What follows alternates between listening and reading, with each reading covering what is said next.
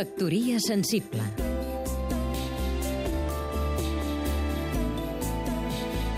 Oleguer Sarsenedes, periodista Tinc un amic que ha decidit encapçalar tots els seus correus electrònics amb una mena de prefaci que diu així Benvolgut Obama, com han anat les vacances? La Michelle bé? I les nenes? Ell és molt donat a l'exageració, però la seva reacció és indicativa de l'estat d'esprit que han provocat les revelacions de l'espionatge massiu de les comunicacions per internet als Estats Units i Europa per part dels serveis secrets nord-americans amb l'ajut inestimable de britànics i alemanys. Avui, qui més qui menys, ens sentim espiats i la intuïció ens diu que la xarxa ja no tornarà a ser el que era.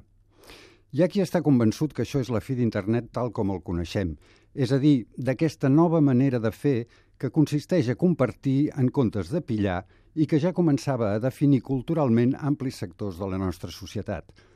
Les revelacions d'Edward Snowden ens han fet veure que a internet ja no podem relacionar-nos lliurement ni compartir res sense que les pulsacions del teclat del nostre ordinador siguin detectades, monitoritzades, analitzades, catalogades, comercialitzades i emmagatzemades en enormes bancs de dades.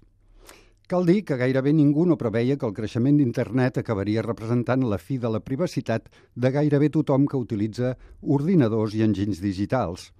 Tampoc ningú no anticipava que aquesta pèrdua de privacitat seria a benefici no només de les grans corporacions i els seus objectius de màrqueting, sinó d'agències governamentals, la policia i els serveis secrets. Internet no està ni mort ni moribund, però ara ja no és, ni pot ser, el nostre millor amic. Factoria sensible. Seguim-nos també a catradio.cat